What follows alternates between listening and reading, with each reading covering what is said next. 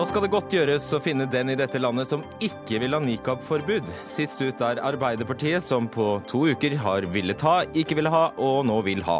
Så hva gjør Frp, som ville ha, ikke ville ha og så ville ha? Nei, det stemmer ikke at Norge var alene sammen med Japan og Canada om å stanse forbud om, mot fengsling av barn. Norge var sammen med USA, Canada, Australia, New Zealand, Sveits og 28 EU-land. Å ha folk midlertidig ansatt er så virkningsfullt at vi bør gjøre mer av det, sier virkelederen. Den norske modellen blir like fullt undergravd, svarer Arbeiderpartiet. Venstre og KrF er så dumsnille overfor Russland at det blir farlig å være småstat som Norge, tordner professor Janne Haaland Matlari. Tullprat og vås, svarer Venstre. Og mastersyke er et vanvittig ord som straks må begraves, mener Aftenpostens politiske redaktør. Å nei da, det er altfor tidlig å friskmelde landet fra denne utdanningspolitiske diagnosen, mener kommentator i Dagens Næringsliv.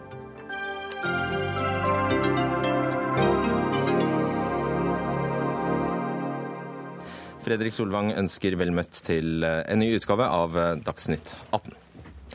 Arbeiderpartiet går inn for et nasjonalt nikab-forbud i skolen og ved høyere utdanningsinstitusjoner.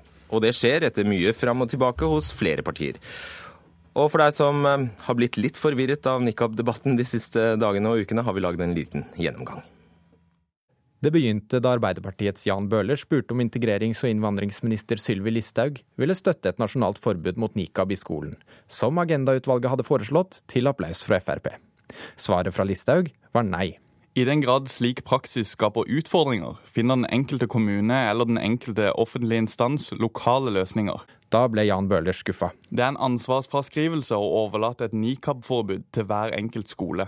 Men så inviterte FrPs parlamentariske leder Harald Tom Nesvik Arbeiderpartiet til å danne flertall om et nasjonalt forbud. Men Helga Pedersen i Ap sa nei til FrPs invitasjon. Vi forholder oss til eventuelle forslag fra regjeringen. Jonas Gahr Støre ville ikke vente på forslag fra regjeringen, og foreslår et forbud mot nikab. Det er bred oppfatning i Arbeiderpartiet at i skole og utdanning så må vi kunne se ansiktet på de vi snakker med. Så kom Høyres innvandringspolitiske talsperson Ingjerd Schou etter. Og nå vil også hun vurdere et forbud. Jeg har gått og grunnet på dette noen dager etter at regjeringen gikk ut med sitt standpunkt. Og der er vi nå. Nesten alle unntatt Sylvi Listhaug vil ha nikab-forbud. Og alle er enige om at nikab ikke er noe stort problem. Ja, det var Sigurd Fleten som hadde satt sammen dette lille sammendraget for oss. Berit Aalborg, eh, politisk redaktør i Vårt Land. Eh, hvis dette er et lite problem, som både Sylvi Listhaug og Jonas Gahr Støre understreker, hvorfor blir det da så mye styr?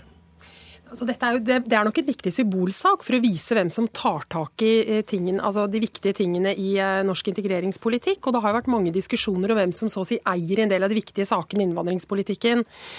Og så tror jeg nå vi ser at eh, Arbeiderpartiet har brukt muligheten for å, å hva skal vi si eh, De hadde ikke behøvd å ta dette nikab-forbudet nå, men de har gjort det fordi at Fremskrittspartiet tapte saken i regjering. Og da var det nok betimelig for dem å gå ut, og sikkert litt morsomt for Jonas Gahr Støre å kunne ta innersvingen på Frp på en sånn sak. Ja, er det, Men tror, altså, er det oppriktig ment fra Arbeiderpartiet? Ja, Det tror jeg faktisk. Fordi at de har hatt eh, diskusjoner internt. Og de har jo bl.a. Eh, eh, tidligere så var, hadde jo Agenda en arbeidsgruppe der bl.a. Jette Christensen fra Arbeiderpartiet satt. Så jeg tror kanskje at de ville endt opp på det samme. Men akkurat at de gjorde det nå, og at det kom to dager etterpå at eh, Fremskrittspartiet tapte saken i regjeringa, det, det, er litt en del av et politisk spill. Men jeg tror det kanskje ville endt opp der likevel. Eh, alle disse forskjellige uttalelsene som eh, vi fikk referert her, hvor, hvorfor skjer det? Hvorfor klarer de ikke å samle rekkene, troppene du tenker på internt i Arbeiderpartiet? Internt i alle partiene, ja. egentlig, for det spriker Nei, det, vel? Ja, det spriker rett og slett i alle partier, bortsett fra Fremskrittspartiet, som har vært veldig entydig på dette lenge. Så spriker det i flere av partiene, både de store og de små partiene. Så jeg tror dette er et uttrykk for at man famler litt, man er litt usikker på hvor man skulle gå. Og så får du disse ulike på, på, liksom på veien for å lage seg en strategi, så får du alle disse ulike uttalelsene. Så det er et uttrykk for det, rett og slett. Og i morgen skriver dere på lederplass i Vårt Land at dere er for et sånt forbud. Hvorfor det? Ja, altså Vi skriver det fordi Ehm, vi også mener at det er et lite problem, det er et marginalt problem. Men prinsippet om at man skal kunne se hverandre i ansiktet er viktig. Og så har du faktisk hatt både i Norge og Tyskland har du hatt enkelte sånne saker på, på, på høyskoler. Og da syns vi det blir rart å skyve det ned på et regionalt nivå. Det mener vi at nasjonale politikere på et eller annet vis må forholde seg til. Okay. Vi tok oppsummeringen først, til, ja, til en avveksling. Trond Giske, nestleder i Arbeiderpartiet. Hvorfor akkurat nå et forbud? Det ble jo aktualisert av dette agendautvalget som eh, Berit Oldborg eh, nevnte, hvor eh, representanter fra, eller personer fra sentrumspartiene og Arbeiderpartiet SV satt sammen og diskuterte hvordan vi skal drive en god integreringspolitikk. og Der var dette med nikab-forbud et av forslagene. Og så eh, stilte stortingsrepresentant fra Arbeiderpartiet Jan Bøhler spørsmål til Sylvi Listhaug om dette var noe regjeringa skulle komme med. Vi har egentlig hatt denne diskusjonen noen år. Skulle regjeringa komme med det eller ikke? Og så kom hun med en veldig tydelig avklaring at uh, hun og regjeringa var mot et slikt nikab-forbud. Uh, det skapte store overskrifter. Det var jo ikke det var kanskje litt uventa at Frp skulle gå imot et sånt forbud når de endelig da hadde kommet seg inn i regjering. Og Det førte vel til at alle vi andre også ble avkrevd et svar. Eh, avisene ringte da rundt. Eh, vi hadde jo ikke partibehandla dette ennå, dette forslaget fra agendagruppa. Eh, men etter noen eh, runder internt så fant vi at eh, et forslag om å si at i skoler, universiteter og høyskolers reglement skal det være tydelig at man ikke kan dekke til ansiktet. Dette har med undervisning, kommunikasjon å gjøre. Det var et fornuftig standpunkt.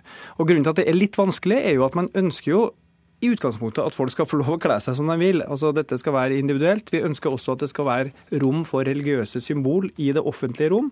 Men her går det altså utover kommunikasjonen mellom folk i utdanningsinstitusjonen. Og det var det vi landa på. Ok. Harald eh, Tom Nesvik, du er parlamentarisk leder i eh, Fremskrittspartiet. Altså, Hvorfor inviterer dere Arbeiderpartiet til å gå inn for nikab-forbud, når Sylvi Listhaug, altså innvandringsministeren, selv sier nei?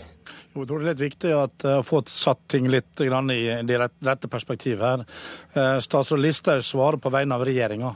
Fremskrittspartiet sitt syn har alltid vært klart, eh, ja, klokkeklart. I tillegg så har til og med Fremskrittspartiet fremma forslag i Stortinget om forbud mot nikab og burka på offentlig sted, som Stortinget har stemt ned. Så Fremskrittspartiet sitt standpunkt har aldri vært uklart. Men det er klart at når en statsråd får et spørsmål fra Stortinget, så er det på vegne av regjeringa man svarer. Det vet Trond Giske Giske bedre enn de fleste. Og Frp og faller aldri for fristelsen å fremme primærpolitikk som bare Frp er for, for så å bli nedstemt i, i Stortinget, f.eks. Nei, men eh, det som er grunnen til at jeg inviterte Jonas Gahr Støre eh, på fredag, det var jo en usikkerhet knytta til hva som nå skjedde. Fordi at Helga Pedersen var jo ute raskt. Jeg rakk jo ikke å sende invitasjon engang før eh, Helga Pedersen sa tvert nei, og sa at Arbeiderpartiet ville ikke fremme noe forslag uten at regjeringa gjorde det sjøl. Lørdag så snudde det. Da var det ved nasjonale retningslinjer, og i dag så snakker man knytta til at det skal være et forbud. Grunnen til at jeg ønsker dette, her var å få sette oss sammen for å bli enige om en tekst, slik at man kunne slippe dette eh, spillet som vi nå ser. For Fremskrittspartiet så er det helt åpenbart jo resultatet som er det viktige her. Og La oss nå heller se på det, hvordan man skal få det til. Hvordan kan vi samles om et forslag allerede i trontaledebatten. Eh, og Da er det jo eh, litt interessant Man kunne tenkt meg å stille Trond Giske bare et spørsmål. fordi at det har vært litt sånn frem og tilbake tilbake om man vil ha nasjonale retningslinjer eller om man vil ha et lovforbud. Eh, hvis det er et lovforbud eh, som eh, man vil ha, slik Fremskrittspartiet vil, så inviterer jeg svært gjerne inn til at vi kan lage et felles forslag i trontaledebatten, slik at vi får satt dette på plass en gang for alle. Vil du det? Nei, Det vi har sagt og kommer til å foreslå, det er at det skal inn i regelverket for skoler og utdanningsinstitusjoner. Vi er tilbakeholdne, i hvert fall foreløpig, med å lage allmenne lover om hvordan folk skal kle seg. Jeg syns de bildene vi har sett fra Frankrike hvor politifolk går løs på kvinner og begynner å kle av dem på stranda. Jeg syns det er helt utidig. Så dere mener det, men mener dere bare litt? Nei, vi mener det i skoler og utdanningsinstitusjoner, som jeg sier, for der har det et viktig kommunikativt aspekt. Og jeg må bare si jeg blir altså helt utrolig eh, forvirra av Frp. Eh, fordi at Her er det altså Frp i regjering og det er Frp som statsråd og Frp i stortingsgruppa, og de mener forskjellige ting. La oss ta et eksempel. Jeg har sittet ti år i regjering, det er helt riktig.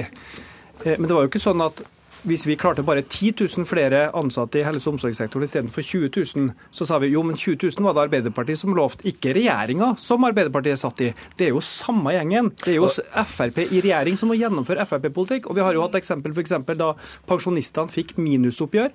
Så sier Frp, som hadde forhandla fram forliket, eller uh, pensjonistoppgjøret, i regjering, at nei, det var regjeringas politikk, ikke FrPs politikk. Det var egentlig det eksempelet jeg hadde tenkt å bruke. Ja. Altså, eh, Nesvik, altså Listhaug gjør jo, hun sier jo eksplisitt at dette kan skolene fikse selv. Og det hadde hun faktisk ikke trengt å si.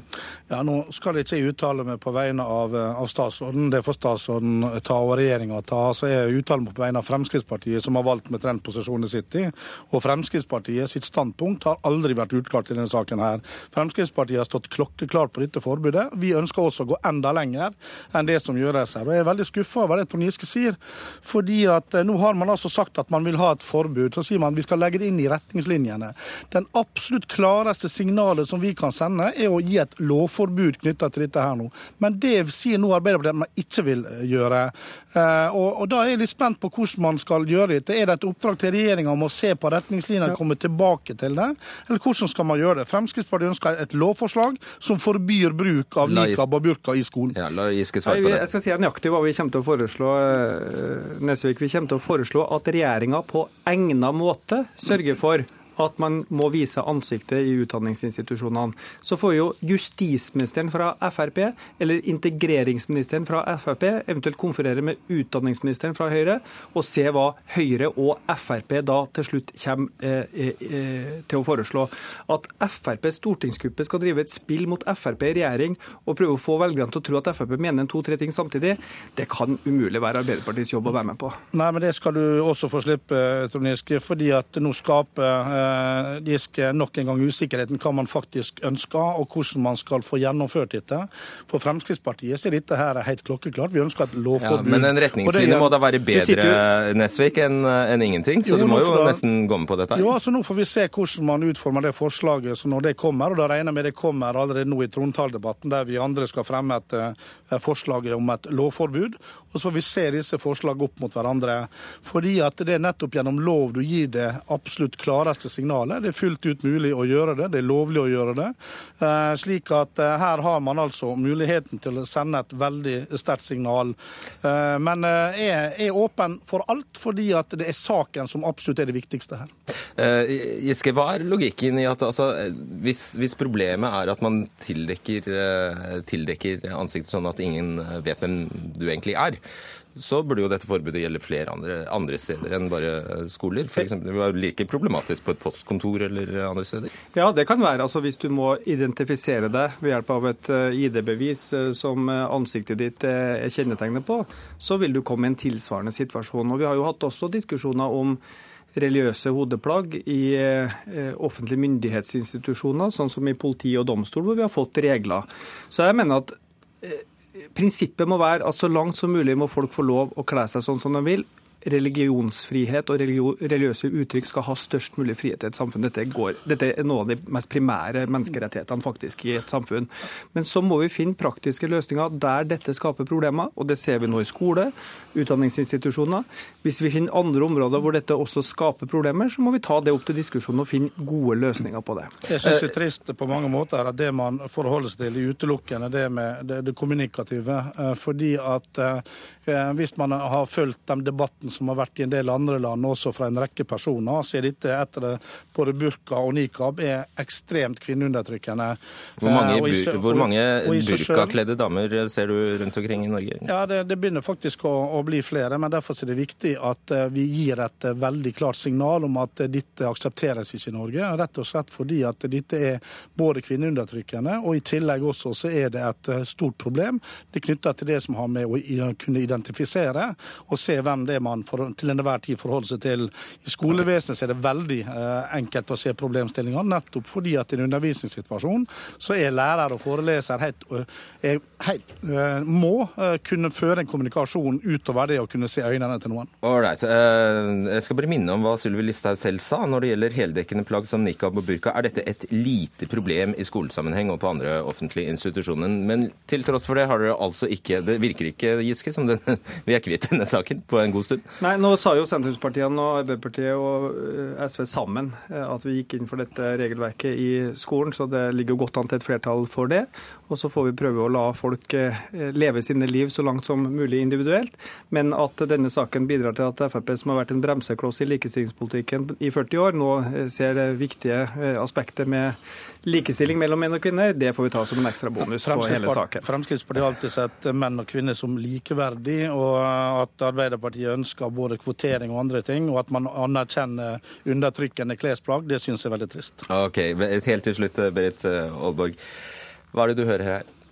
Jeg hører at Fremskrittspartiet og Arbeiderpartiet prøver å være best og tøffest i integreringspolitikken. og Det er jo blitt en gjentagende, det er blitt gjentagende i mange diskusjoner om dette temaet de siste, den siste tida. Ja. Takk skal dere ha, Trond Giske, Berit Aalborg og Harald T.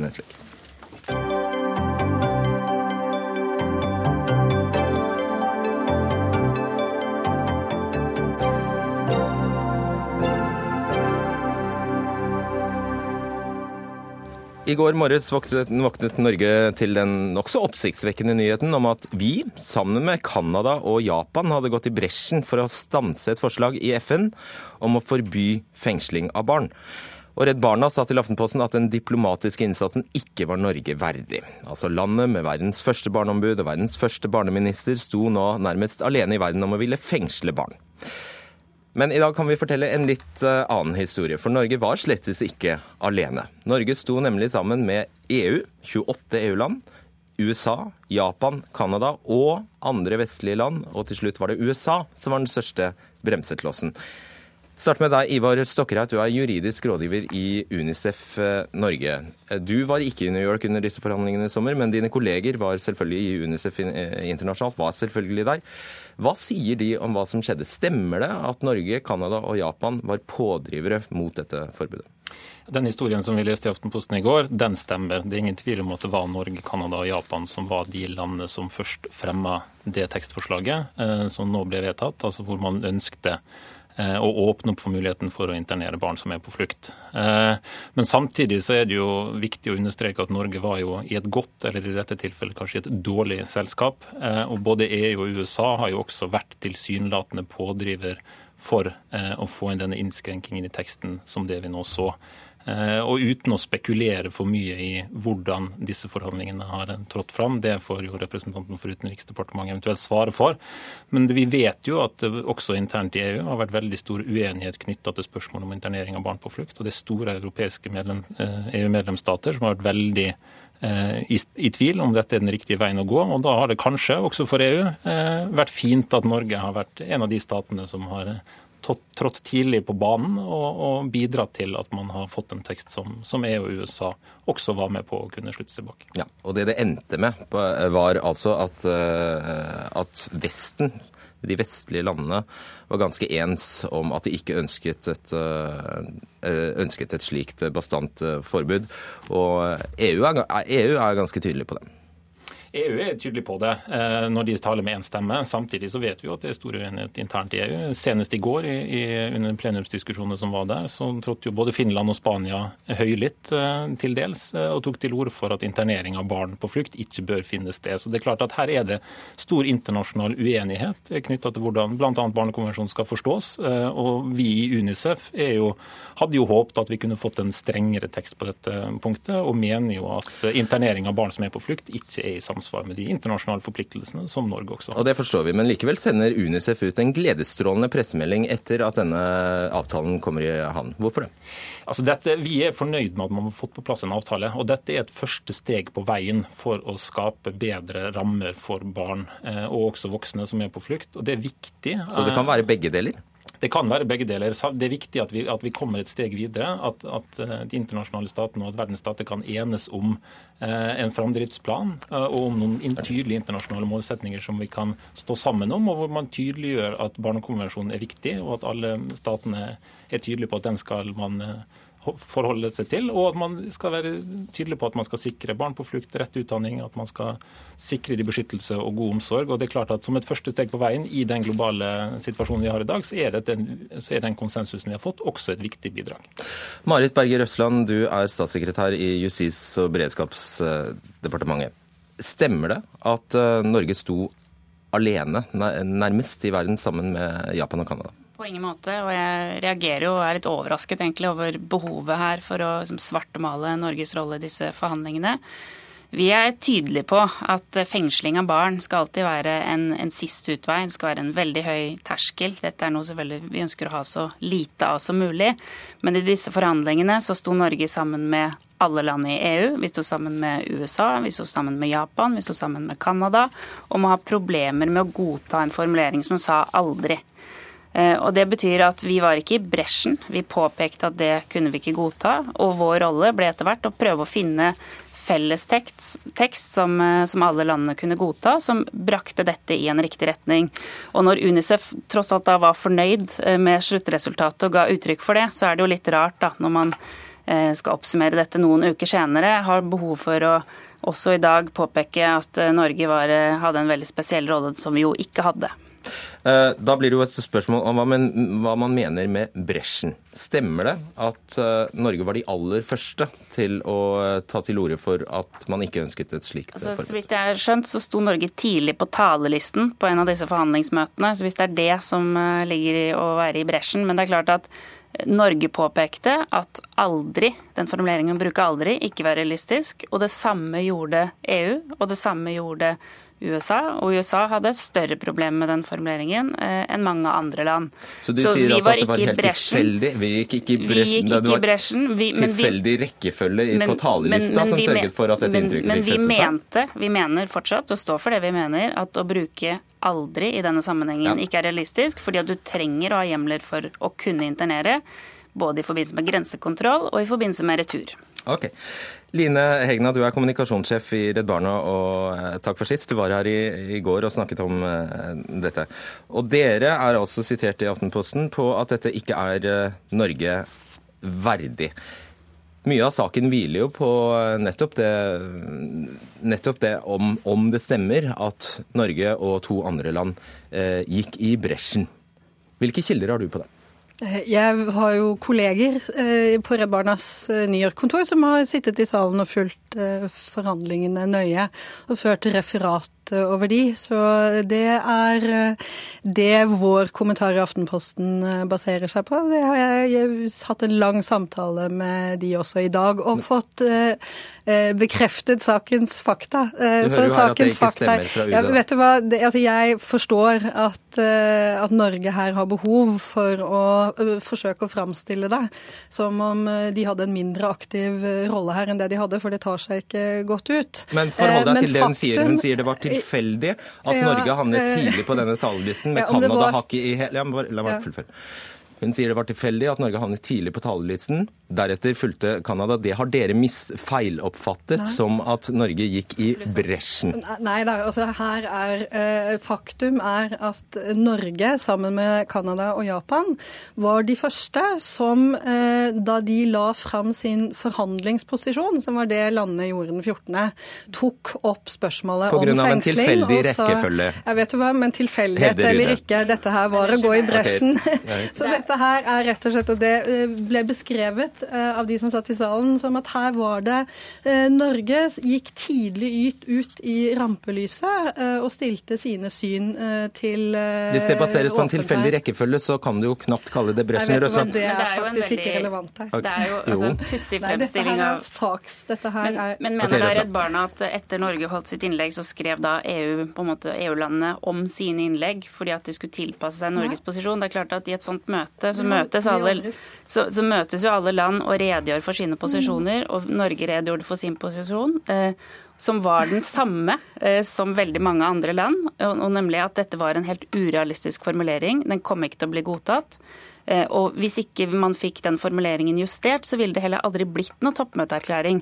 Og det er jo realitetene bak dette. At hvis man ikke hadde klart å jobbe fram et kompromiss, som Norge bidro til, så hadde man ikke fått en konsensus om et dokument. Og det må vel være et dårligere resultat i denne saken, både for Unicef og Redd Barna, enn at man fikk en tekst som sier vi skal bruke det så lite som mulig, siste utvei for kortest mulig perioder. Men man kan aldri si at det vil aldri bli behov for å bruke fengsling. Eh, okay. For i gitte tilfeller så må man det. Ja, akkurat der har dere helt, et helt ulikt syn. Så det, Norge det... Sto alene. Vi sa at Norge står i bresjen, og de har vært i definitivt i dårlig ja, selskap. Og Det er egentlig ordet bresjen vi diskuterer, for vi diskuterer altså om det er rimelig å påstå at Norge gikk i bresjen hvis dette er basert på en tilfeldig rekkefølge på en taleliste. Norge hadde altså dette i sin forhandlingsposisjon, som de ga eh, eh, den første dagen. Og det er eh, forhandlingsposisjon. Jeg ville jo heller trodd at Norge EUs, eh, skulle være stolt alt Ja, å Men- Ja, som Ivar Stokkreite fra Unicef eh, sa, så er det jo Vi har jo bedt om åpenhet eh, i dis, om hva som skjedde i disse forhandlingene. Og hvis du faktisk kan bidra til å kaste lys over det, så er det fint. For det vi vet, er at veldig mye skjedde i kulissene. Altså, vi vet ikke alt som har skjedd eh, på eh, Det sies at mange jobbet i kulissene, mens Norge, USA, nei, Norge, Japan og Canada var eh, de første og de tydeligste stemmene som gikk ut og sa det åpent. Mens man tror kanskje at EU har jobbet mye i kulissene. Man tror at USA gjorde det. USA snakket på alle intervensjonene, De først veldig mer- sent i Mer mystiske enn det faktisk ja, er. Altså, Da hadde det vært veldig fordi- fint om dere bidro til Jo, åpenhet altså, om vi, dette. vi sier jo at vi, vi kunne ikke akseptere den formuleringen som lå i utkastet. Det kunne heller ikke en rekke andre vestlige land. Eh, og Dermed så ble det et kompromiss, og Norge bidro til å få det kompromisset på plass. Eh, og at man da har behov for å, for å smart, svartmale Norges rolle og si at eh, det var Norge som gikk i bresjen for å få til fortsatt fengsling av barn. Dette er altså for øvrig også en praksis for internering som Norge ikke bruker, bare så det er klart. Det, det gjelder jo da internering av barn i forbindelse med Ja, det er greit. Vi skal ikke, ja. Eh, Line Hegna, du, du har jo også selv eh, oppgitt at eh, de altså frontene her gikk hovedsakelig mellom Vesten, de vestlige landene, og Sør-Amerika, faktisk. Og spesielt mellom USA og Mexico. Og der handler det mye om eh, internering av meksikanske barn. Altså Mexico, et land som slettes gikk altså inn for et totalforbud mot fengsling av barn. Et land eh, der det antagelig skjer en del fengsling av barn. Ja, altså, jeg er- kommer fra en barnerettighetsorganisasjon. Vi bruker enhver anledning, og vår eh, Ja, men jeg er å bare spør om mot troverdigheten til de landene som da kjempet for det et er jo ikke det som eh, Altså, det har jeg ingen mening om. Eh, Min rolle her er jo å påpeke eh, hva som skjedde, og Norges Og det- dette er, det er veldig underlig at vi sitter og diskuterer prosessen her, for det som faktisk er interessant, er jo innholdet. Og Norge Det eh, går, er ikke Norge verdig, og det er eh, veldig rart. Eh, og en, et linjeskift på Norge er å faktisk eh, være med å forhandle fram en eh, aktivt forhandle fram eh, en, en dårligere posisjon. Og det som, det som også ikke har kommet fram her, er, og det hører jeg også at statsministeren gjentar, at i barnekonvensjonen ikke står 'never'. Dette handler om barn på flukt. Barnekomiteen i FN har spesifisert, og det kan sikkert juristen fra UNICEF si tydeligere, at når det gjelder barn på flukt som ikke har gjort noe kriminelt, så skal faktisk de aldri fengsles.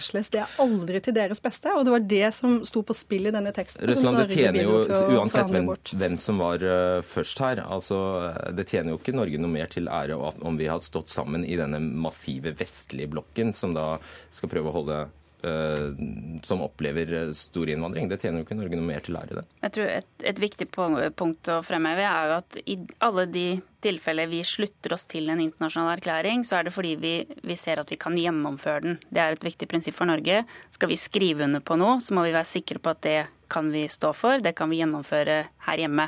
Og alle land har ikke dessverre den samme holdningen til det eh, når du trekker fram Latin, Latin-Amerika f.eks. Ja, men bare ta det- det- eh, svar på det jeg spør om, Og, og, altså. når vi, og når vi sier at vi, vi trenger å ha et snevert handlingsrom, det er det vi snakker om, et veldig snevert handlingsrom for å kunne bruke internering i asylprosesser hvor det er asylsøkere som kommer og har med seg barn. Det er jo aldri sånn at barn fengsles altså, I hvert fall ikke i Norge, så fengsles jo ikke de på selvstendig grunnlag. Det er som en del av den familien de kommer sammen med. Og det vi bruker eh, dette til i, Norge, er i forbindelse med tvangsretur. eh, Ja, hvor, det- hvor personer ikke reiser frivillig, og hvor du bruker tvang i utgangspunktet. Det er jo viktig å fremheve.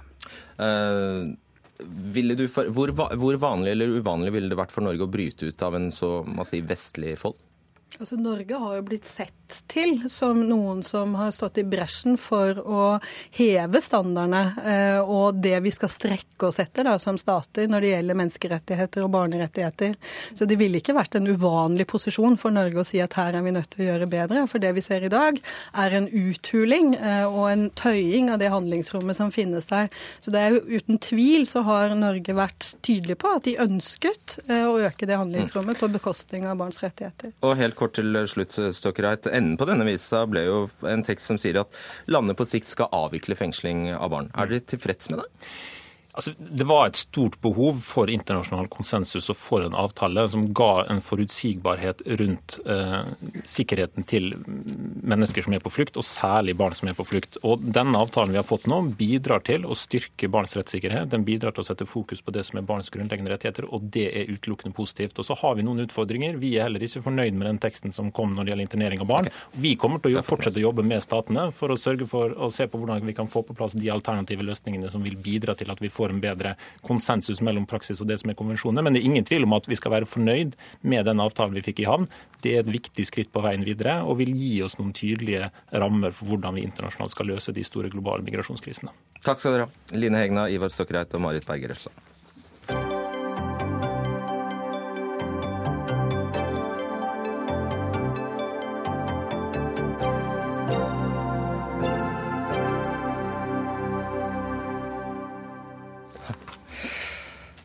For et drøyt år siden ble det lov å ansette folk midlertidig i inntil ett år uten at de vikarierer for noen.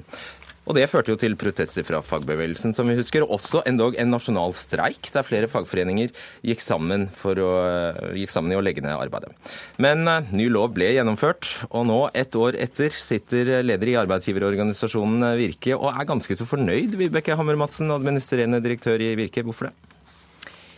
Jo, fordi at tallene eh, de viser jo at de som faktisk bruker den eh, nye muligheten, de mener vi bruker den riktig. Eh, men det som er klart, det er som vi sa, hovedregelen er fortsatt fast ansettelse.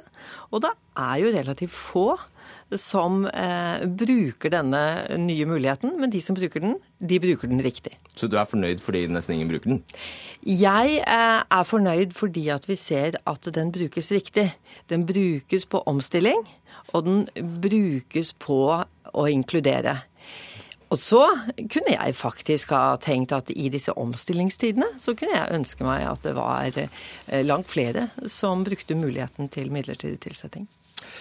Rigmor Aasrud og sitter i arbeids- og sosialkomiteen eh, for Arbeiderpartiet på Stortinget. Altså, Det manglet ikke på skremselspropaganda før denne loven ble innført. Hva vil du si resultatet er nå ett år eh, etter? Vi har hatt tre kvartaler nå der det har vært økning i midlertidig ansettelse, samtidig som det har vært nedgang i antall faste stillinger. Og i en periode da arbeidsledigheta øker, så virker det ikke som at dette er den medisinen Norge trenger. Jeg tror eh, det er helt feil å tenke at man skal bruke midlertidighet for å løse de omstillingsutfordringene som vi har i Norge. All forskning viser at når vi skal omstille, noe vi gjør i næringslivet nesten hele tida, så må du ha trygge ansatte som men, får kurs og kompetanse og påfyll av kunnskap. Men noe eksplosjon har det ikke vært i midlertidige ansettelser i Norge? 10% økning eh, og nedgang i faste stillinger. Det er, det er 19 000 flere som opplever usikkerhet hver dag på jobben, og det er ikke bra. Men, men jeg syns jo utgangspunktet eh, ditt nå blir helt feil. Fordi at alternativet, altså ni av ti som, som spør, sier at alternativet er jo ikke faste stillinger. Alternativet er ingen ansettelse. Og jeg tenker i den omstillingen som vi står overfor nå Mange virksomheter er usikre på hva fremtiden skal gi. De er usikre på hvilken kompetanse de skal ha. Og derfor sier vi, og jeg her nå, at jeg kunne gjerne ha sett at kanskje flere turte å ta inn flere. Eh, de har en mulighet til å gjøre det.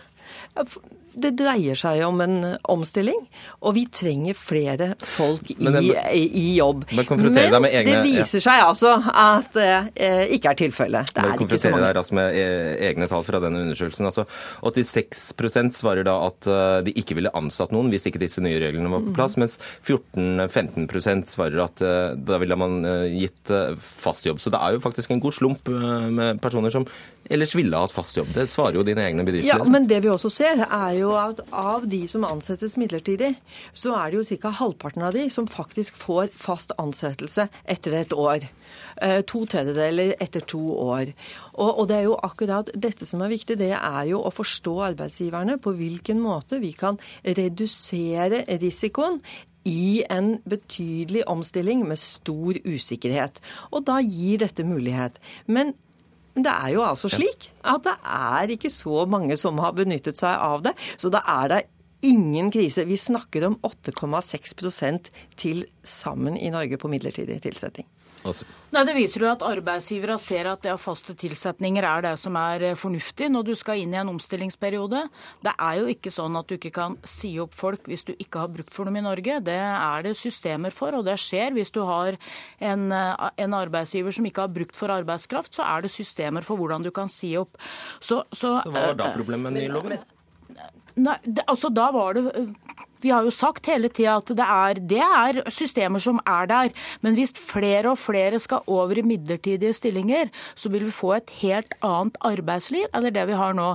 Og Derfor så er det jo bra da at eh, Vibeke Madsen ikke får med bedriftene sine på å bruke de ordningene. For det er ikke bra for samfunnet. Samfunnet trenger folk som er i faste stillinger. Og det er i hvert fall ikke bra for de som da, rømmes. Men er det da virkelig bra at så mange blir stående utenfor arbeidslivet. For det er jo det som også vår undersøkelse viser. Det, er at det, det, blir langt flere som står utenfor. Og vi, trenger å inkludere, og vi trenger å ha vi, vi, spurte statsråden om det rett før ferien, og statsråden sier det finnes ingen bevis på at det har vært økning i antall eh, ansatte som er utafor arbeidslivet. og Det viser heller ikke AKO-undersøkelser. I Arendalsuka var det flere Nei, debatter om det her, og det viser det at du klarer poenget. ikke å ta inn flere som er utafor arbeidslivet. Har du nevnt denne undersøkelsen Nei, vi er ikke helt ferdig. Nå har du nevnt denne undersøkelsen såpass mange ganger at vi, eh, vi har bestemt oss for å gå litt inn i den. Og I en eh, kommentar knyttet til denne undersøkelsen så sier du at et eh, drøyt år etter endringene har jeg nemlig svært gode nyheter. Vi kan trygt slå fast at midlertidige ansettelser ikke har blitt det nye hovedregelen. Andelen midlertidig ansatte ligger fortsatt på i underkant av 10 Denne undersøkelsen dere har fått eh, utført blant egne medlemmer, 8,4% har svart.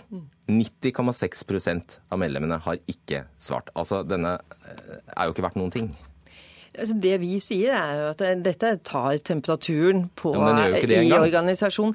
Jo, fordi at eh, vi 10 000 eh, fikk henvendelsen, 1000 har svart.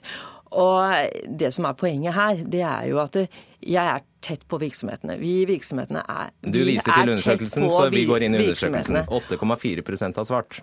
Poenget er likevel at det du ser der, det er en temperaturmåling som stemmer når vi er ute og reiser og vi møter våre virksomheter. Så er det faktisk slik at hovedregelen er fast tilsetting. Det er noen som og jeg sier få, som bruker denne muligheten. Ja. Og den, eh, de som bruker den, de bruker den iallfall riktig. Okay. Det, det, er jo, det, det er stemmer jo ikke med det. Vent litt, skal bare, du, skal, du skal, skal, slippe til. Jeg skal bare fortsette litt med undersøkelsen. 8,4% har svart. Av dem svarer 13,3% at de har benyttet seg av regelen om midlertidig ansettelse. Altså 13,3% av 8,4% Og så svarer 80 5,6 eh, av disse igjen at dersom de ikke hadde hatt muligheten til å ansette midlertidig i denne situasjonen, da ville de altså ikke ansatt noen. Og Det er da du sier at ni av ti ikke ville fått ansettelse i det hele tatt. Men så bare minner jeg om at 8,4% har svart. Men det stemmer også med de undersøkelsene som vi gjør regelmessig i forbindelse med konjunkturseminarene våre. Så viser disse tallene at det er et Alternativet er ikke fast tilsetting. Alternativet er ingen jobb. Så dette er en temperaturmåling som bekrefter hovedregelen fast tilsetting. Og det er altså ingenting å rope høyt om og bli helt fortvilt, fordi at midlertidig tilsetting i Norge brukes okay. helt eksplisitt når vi skal bruke den. Da vær så god, Åse. Ja, først vil jeg si at I den kronikken som uh, Vibeke Madsen har skrevet, så står det at det er bedrifter som vokser, som har ansatt midlertidig. Og Det syns jeg er veldig rart at hvis du er en bedrift som vokser, at du da ikke ville ansatt av folk hvis du ikke får lov å ansette dem midlertidig. Det syns jeg ikke henger sammen. Men LO har jo også gjort undersøkelser om hvordan det her takles ute på arbeidsplassen. Og det sier så mange som 40% at drøftingsretten brukes ikke. Og da syns jeg det er ganske overraskende at Vibeke Madsen skråsikkert fastslår at dette her brukes riktig. For eh, de ansatte så opplever jo da at man ansetter midlertidig uten å drøfte, og, ikke, og at man hopper over vesentlige deler av det som er kjennetegnet i den norske arbeidslivsmodellen, at det er nært samarbeid mellom bedriften og de ansatte. Og det er uheldig på lang sikt. Men, men det du sier nå, det syns jeg eh, underkjenner det faktum at innenfor veldig mange av våre virksomheter innenfor tjenestenæringene, så er det et veldig tett samarbeid mellom ledere og medarbeidere. De jobber på gulvet sammen, og de diskuterer hvordan hverdagen deres skal være. Og Det er jo også en av bakgrunnene til at de er veldig forsiktige til å gå inn på både ansette fast eller midlertidig, fordi det må være spesielle grunner til det. Og når du er i en vekstsituasjon, i en omstillingssituasjon, så er det å forsøke å redusere risiko. Og det når jeg er ute og reiser, hva er det bedriftene forteller meg? Det er akkurat dette, dette bildet. At nå har vi iallfall muligheten, men det er altså fortsatt veldig få. Og vi kan jo lure på hvorfor er det så få? Som faktisk bruker denne muligheten til midlertidig tilsetting nå. Det er nok fordi det er en dårlig løsning. og Jeg reiser også veldig mye ja. ut i bedriftene nå, og det er ingen som tar opp dette som hovedtema for det som er utfordringene for norsk næringsliv om dagen. Hjertelig takk skal dere ha, Vibeke Hammer-Madsen og Rigmor Aasrud.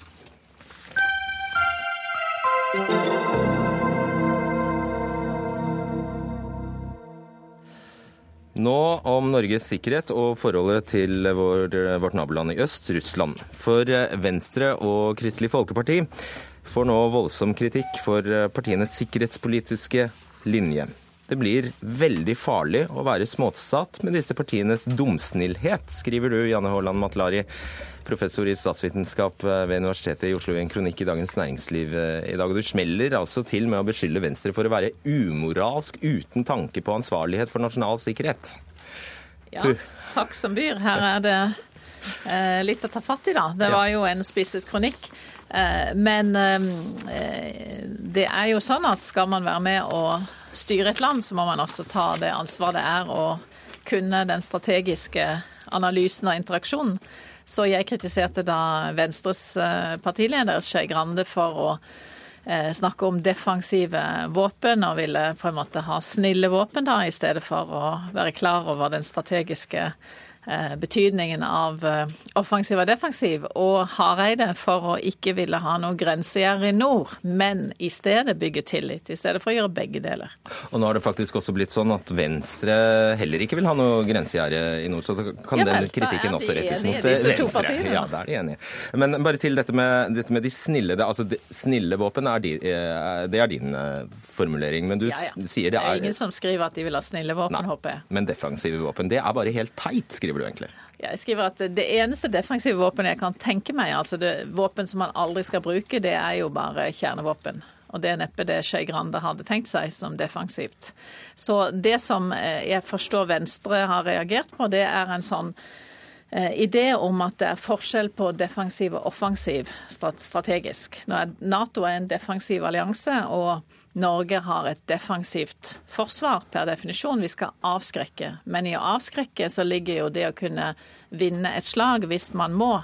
Og det er i høyeste grad offensivt. Mm. Sånn at man kan ikke på en måte ha et uh, snilt forsvar og være defensiv. Ola Elvestuen, stortingsrepresentant og nestleder for Venstre. Bare oppklar dette for oss, bortsett fra eh, kjernevåpen. Hva er defensive, snille våpen? Det er vel ingen som har brukt disse ordene som Matlai bruker i sin artikkel. Det er jo en eh, tendensiøs, og jeg, når jeg reagerte på den og leste første gang, så ser jeg at dette er jo bare vas. Eh, det man må ta tak i, er jo den, den, politikken som Venstre står for. og det er klart Med den langtidsplanen som nå Stortinget skal behandle, så står vi overfor et fundamentalt valg. Og Valget er skal du, skal du forsterke og styrke hær, heimevern, landforsvaret i Norge, eller skal du bygge det ned? For med de investeringene som, eh, som regjeringen legger opp til, tunge som er på F-35 på flykjøp, på ubåter og annet, så vil den innebære at uh, du bygger ned, ned her og, og landforsvaret. Og Det vi sier er å gjøre en tydelig prioritering på at vi må gjøre det som gir en effekt nå de nærmeste årene. Vi må styrke det norske forsvaret nå. og Da er det å gjøre investeringer i Hæren, det er artilleri, det er eh, luftvåpen, det er eh, stridsvogner. Og vi må styrke Heimevernet og vi må styrke Kystforsvaret. Det er det som ligger i forslaget vårt, og det er et strategisk valg som vi gjør for å styrke nettopp det norske eh, forsvaret. Da har du fått en oppklaring. Det var det de mente ment med ja, nei, Det var jo bare vas. Altså, Jeg må jo bare gjenta det du sa. fordi at uh, dette, Skei Grande har jo skrevet uh, kronikker i Dagsavisen og andre steder om dette med defensiv og offensiv. Og det er jo kun strategier som er defensive eller offensive. Men våpen er det jo ikke, bortsett fra kjernevåpen. Men altså det som du snakker om, er jo dagens forslag fra Venstre om en annen forsvarsstruktur. Eh, og det er jo ikke slik at, eh, at regjeringens LTP, langtidsplan, legger opp til da å, å styrke bare noen våpen som missiler og fly, og ikke gjøre noen ting med hæren. Ja, det er jo det den faktisk gjør, for den, ut, den utsetter jo den beslutningen som skal gjøres for Til eh, neste herren. år, ikke Ja, sant? nettopp. Ja, okay, La oss ikke vikle oss inn i, inn i den langtidsplanen, er du snill. Altså, men, du, det, men det jeg kan si, er at det er riktig. Ja, at det som er, det som er, det det som er, nei, det som er Venstres forslag, er at du legger, lager et uh, mer defensivt terskelforslag. uh, forsvar, som er det vi, vi kaller det. Nettopp nettopp gjennom at du har en tyngre tilstedeværelse i Norge. At du satser mer på landmakten. At du kan håndtere flere situasjoner eh, som et nasjonalt eh, forsvar. Der eh, regjeringen da legger seg mer ensidig på de mer strategiske kapasitetene, som jo er deres hovedprioritering. Ja, men hva mener du med strategisk kapasitet? Det er det samme som regjeringen selv sier, hvor de snakker da om F-35. De snakker om ubåter, de bruker fregattene, og, de, og de en, hær, en hær, en landmakt, om det er eller om det er panservogner, det har, ingen, eh, det har jo ingen effekt hvis ikke du har luftvern, hvis ikke du har eh, missilforsvar, hvis ikke du har flykapasitet når motstanderne har det. Så før flyene var oppfunnet i annen verdenskrig, sant, så kunne du holde deg til landmakten, punktum, og kanskje ha noen fregatter et sted. Som- Men eh, teknologien eh, styrer jo utviklingen i en enorm grad på forsvarssektoren. som nettopp er grunnen til at vi jo er så, er så viktig for oss, at vi gjør dette valget nå. At du nettopp nå eh, forsterker det du vet du har behov for, som nettopp er innenfor hær og landmakt. Og så må du tilpasse da de andre hovedinvesteringene for å få rom økonomisk til å gjøre det. Matlari, du sammenligner med Storbritannias eh, statsminister Richard Chamberlain i 1938, som jo snakket om 'peace in our, our time'. Mener du virkelig at Venstre og da også KrF Jeg er jo ikke eh, journalist, men jeg er ganske god til å spissformulere. Det skal du ha! men Mener du altså- at de har gått inn på en farlig linje for landet vårt? Ja, Det jeg mener er at eh, politikere som vil styre, sitter i regjering, og det går jeg ut fra Venstre gjerne vil. Eh, og selvfølgelig eh, nå KrF, uansett side de ender på, så vil de gjerne i regjering. Det er jo siste beskjeden. Og i samme åndedrett så sier da Hareide at uh, men dette lille grensegjerdet, det er altså 200 meter langt, og det er vel bare for å sørge for at køen står riktig. Det skal vi ikke ha noe av, for vi må bygge tillit med russerne. Og det er det jeg griper fatt i, det er jo at eh, ja, gjerde og tillitsskapende. Ja, fasthet og klare grenser og kontroll. Og samarbeid. Ja, avskrekking og samarbeid. Det er hovedlogikken i internasjonal politikk. Det er sticks and carrots. Det er fasthet og samarbeid. Og det er ikke da enten-eller. Og det er det som er farlig, hvis man får politikere som ikke forstår at det henger sammen sånn ute i den anarkiske verden vi er i, at det er ikke bare win-win. Og du kan bekrefte, bare ta det med, bare du kan bekrefte at dere heller ikke vil ha denne stumpen av et? Du, Vi mener at dette er bortkastede penger. Nettopp det er 200, Vi skal spare det er mer to- penger til forsvar, Nei, sa men det er 200 meter gjerde på hver side i, i Øst-Finnmark. Og alle vet jo at det grensejernet i dette området de ligger på russisk side. Og det er ingen som kommer bort til den grensen med mindre russerne tillater og vil at de skal komme bort til grensen. Og at denne lille gjerdestumpen skal være det som er avgjørende, det tror Nei, ikke så hva er problemet med den? At den er, som jeg sier, det er bortkasta penger. Vi Det ser virkelig en ingen grunn til å sant? Det må jo være en grunn til det. Ja, men det, ja, det må jo regjeringen svare på hvorfor de bruker midler, midler på. For det er jo ikke en situasjon eh, hvor du har en sterk til, Nei, men det er kanskje en idé at ikke russerne skal bygge gjerdene på sin side alene, men at vi også har en evne til å lukke porten hvis vi trenger det. Sant? Altså vi også, Dette handler jo om en mye mer spent situasjon etter denne Storskog, eh, på en måte, strømmen som kom er, i fjor. Det er vi helt klare klar det over. kan skje om. Og det er på russisk side at man kan skru dette av og på. Det er en stor nabo vi har i, Ja. i øst. Og det er klart at selv om du har dette grensejernet, og man skrur på igjen den strømmen som kommer, så blir det på en måte hva gjør du da? Skal du la de bli igjen da på den andre siden av gjerdet? Går ut fra at dette gjerdet settes på norsk side uansett. Så du vil, jo, du vil jo få store problemer med å kunne håndtere det uten at du faktisk må håndtere og ta imot de som kommer over grensen. Så at denne to, disse 200 meterne skal være noe avgjørende på hver sin side av eh, Storskog, det ser ikke vi. Det var jo ikke lengden som Hareide snakket om. altså. Det var ikke dette pene, lille, søte gjerdet på 200 meter. Det var jo poenget med å bygge et gjerde at det var så slemt. Sant? Vi skal ikke bygge gjerde, vi skal bygge tillit. Og det er den kombinasjonen at man er redd for å si at grenser må patruljeres og kontrolleres, eh, og at fasthet er nødvendig, at man kan ha motsetninger og samarbeide. Det er der det ligger. Yttergrensene i Schengen må man ha, passe på. Det mener jo alle, og det er jo helt grunnleggende også for å håndtere den flyktningsituasjonen som vi hadde i, i, fjor. Men det må jo også være sånn at det er, ikke, det er, et, det er bra hvis man klarer å håndtere også sine yttergrenser uten at man trenger å, å sette ja, ja. opp uh, gjerdet. Det kan ikke være noe mål eller at det er et poeng i seg selv å gjøre det. må være absolutt den, nei, nei. Siste, den, Siste, utvei å begynne ja, å sette opp sperre mellom siste utvei. Det er jo et spørsmål om å kunne kontrollere. I terrortider må man vite hvem som kommer inn på territoriet. Åkke som, ikke sant. Det er jo, eh, du kan ha sensorer, du kan ha elektronisk overvåkning. Du behøver ikke ha fysisk grense. Men nå orker snart ikke Nei, Jeg skulle bare si tusen takk for spissformuleringene, dere. Takk skal dere ha, Janne Holland og Klari. Det ble ikke så mye langtidsplan for Venstre, da. Vi kan sitte litt Neste til. Gang. Neste gang.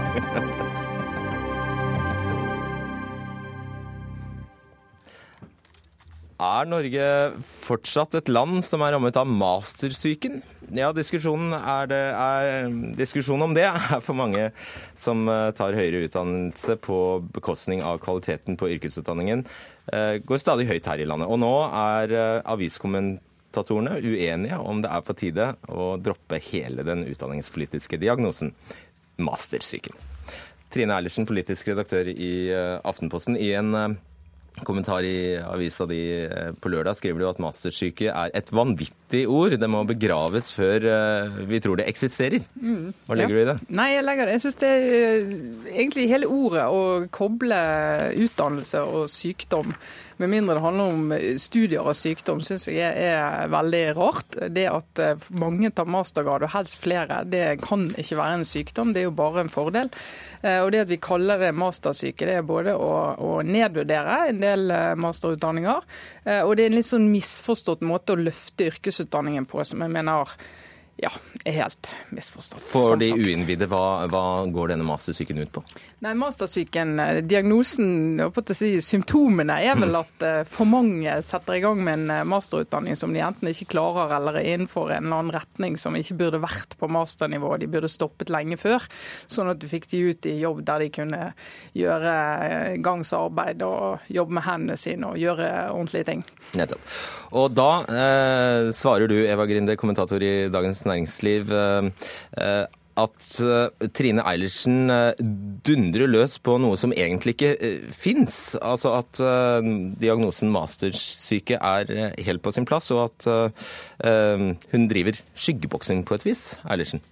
Ja, eller jeg har i hvert fall en litt annen oppfatning av hva mastersykebegrepet innebærer. fordi at jeg tror ikke nødvendigvis det er så veldig mange som mener at det er for mange som tar master, men det er for mange som mener at masterutdanning er det eneste som, eh, som vi kan eh, greie oss med, og som er noe alle må ha. Og i motsetning til Eilertsen så syns jeg at dette mastersykebegrepet har vært veldig nyttig. fordi automattankegangen, det er at det er bra med høy utdanning. Og vi er i kunnskapssamfunnet, vi skal omstille oss, det er liv etter oljen osv. Alle er enig i det. Relevant høyere utdanning, det, det må nordmenn ha. Mens dette mastersykebegrepet har faktisk gjort at vi eh, stopper litt opp og ser på eh, no, at, at, det kanskje er enkelte sider av den automattenkningen som ikke nødvendigvis eh, bare er bra. F.eks. at det kanskje er feil masterutdanninger, at ikke alle er like gode, at folk er forskjellige. Og at uh, man ikke greier å løfte andre typer yrker og utdanninger så høyt som de burde. Ja, nei, Det er jo eh, det er vel også litt skyggeboksing å si at noen mener at alle skal ta mastergrad. I et land der det er rundt 16 som tar mastergrad, så er vi et godt stykke under det. Og det er heller ingen som, som argumenterer for det. Eh, vi ligger jo under OECD-snittet vi på antall mastergrader på 30-åringer. og det kan jo, eh, altså En fantastisk oljedrevet økonomi kan nok bidratt litt til det. Men den diskusjonen om gode mastergrader, dårlige mastergrader, kvaliteten på de, den er veldig relevant. Der er dere ganske samstemte. Altså. Ja, og, og svaret svaret på den er ikke å, å, omtale liksom en hel grad på høyere utdanning som en sykdom. Svaret på det er å gå inn i en del av de og se at burde vi snevre inn mer masterbegrepet. Eh, og så kan vi diskutere yrkesutdanning og fagutdanningen eh, for seg, og ikke sette det opp mot masterutdanningen, som jeg syns blir eh, kunstig. Og det som jo skjer, ja, for hvor, hvor, er beviset hen for at det er en sammenheng i det hele tatt mellom de som tar altså, en økende andel som tar eh, mastergrader, eh, og det som skjer i andre enden, at de som, f.eks. de som faller fra yrkesutdanning. Bevis kan jeg kanskje ikke legge fram her og nå, men, men, det er jo plausibelt å tenke at det er en sammenheng mellom frafallet i videregående skole og akademiseringen i samfunnet. Eh, I hvert fall hvis man ser på nedprioriteringen av, av yrkesutdanningene som har pågått over år. Og det er Eh, det finnes jo også forskning på det fra, eh, som, går på, som går på intervjuer med hvorfor folk slutter, altså hvorfor ungdom eh, faller ut, og hvordan de tenker. Og de får beskjed om at det sikreste du kan gjøre, er å ta studiespesialiserende. Og når de da samtidig møter en, en yrkesfagutdanning hvor, som ikke fungerer, og hvor det ikke fins lærlingplasser, så prøver de seg på å ta et påbyggingsår og komme seg over i det studiespesialiserende sporet, og det er kanskje ikke riktig for dem. Sånn at Eh, de som da ikke skulle gått det løpet, kan da ende opp med å falle fra isteden. Tror du, du er ikke overbevist om at det finnes en sånn sammenheng? Nei, altså jeg tror frafallsproblematikken er jo veldig sammensatt. Det store moderne innenfor norsk politikk nå er jo tidlig innsats. Og det begynner jo lenge før, eh, før, eh, videregående skole. Eh, og det er jo en grunn til at det er det hotteste hotte innenfor politikk nå. For det jo, man ser jo det er jo der man må begynne å jobbe med frafall, og så kommer man opp i videregående skole. Og det er helt sikkert mye å gjøre med yrkesutdanningen, og som bør gjøres med det. Og deler av det har vært altfor teoretisert kritisert eh, gode, eh, store deler av den.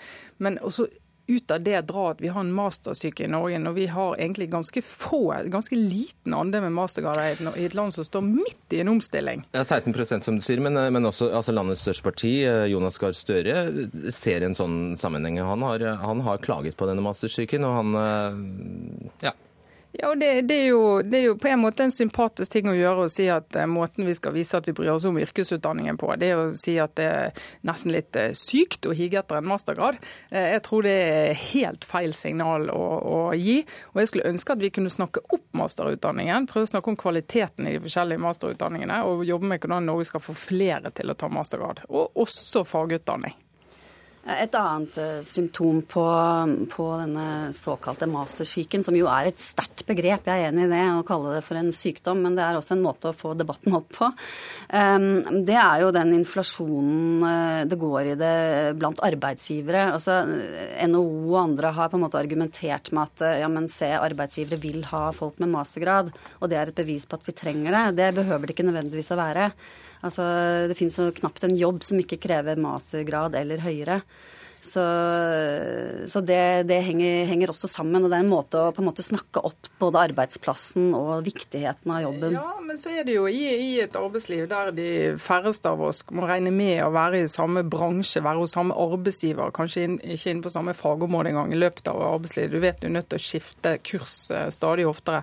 Så er jo hele den eh, kompetansen igjen når du har eh, vært og utdannet deg på høyt nivå, nemlig å lære å lære, den er jo en nøkkelkompetanse å ha med seg i et sånt samfunn. Og om du da er litt for høyt kvalifisert i din første jobb, det gjør ingenting. For hva med den nummer to, nummer tre, nummer fire-jobben du, eh, du, skal inn i? Der kan det være helt annerledes. Veldig kort. Ja, Det er ingen garanti for at folk med høy utdannelse er de som har lettest for å, for å endre seg eller være med på endringer. Det er snarere ting som tyder på at det også kan være motsatt.